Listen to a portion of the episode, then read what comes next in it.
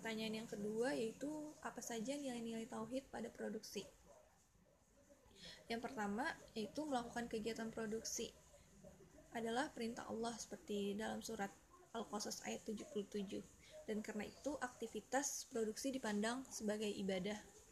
Yang kedua, berproduksi bagi seorang muslim merupakan uh, aktualisasi keberadaan diri kita sebagai khalifah Allah di muka bumi yang di mana kita ditugaskan untuk memakmurkan bumi dengan ilmu dan amal kita.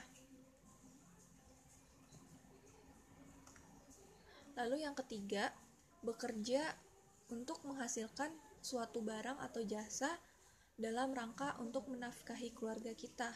Itu disebut jihad visabilillah. Di mana sabda Nabi Shallallahu alaihi wasallam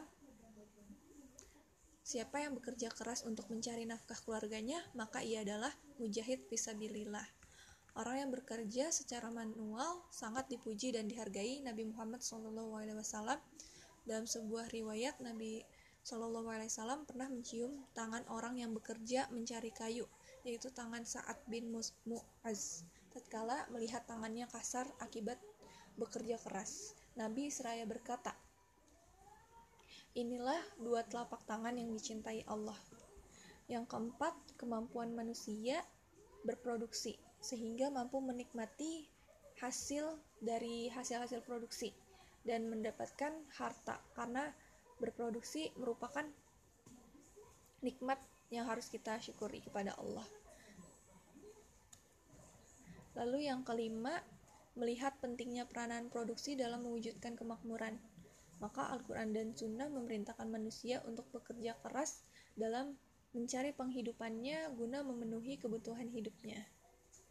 Yang keenam, kegiatan produksi itu tidak boleh menghasilkan barang-barang haram seperti komar, rokok, daging babi, gelatin babi, plasenta, serta jasa-jasa terlarang seperti perjudian, riba, prostitusi, dan lain sebagainya.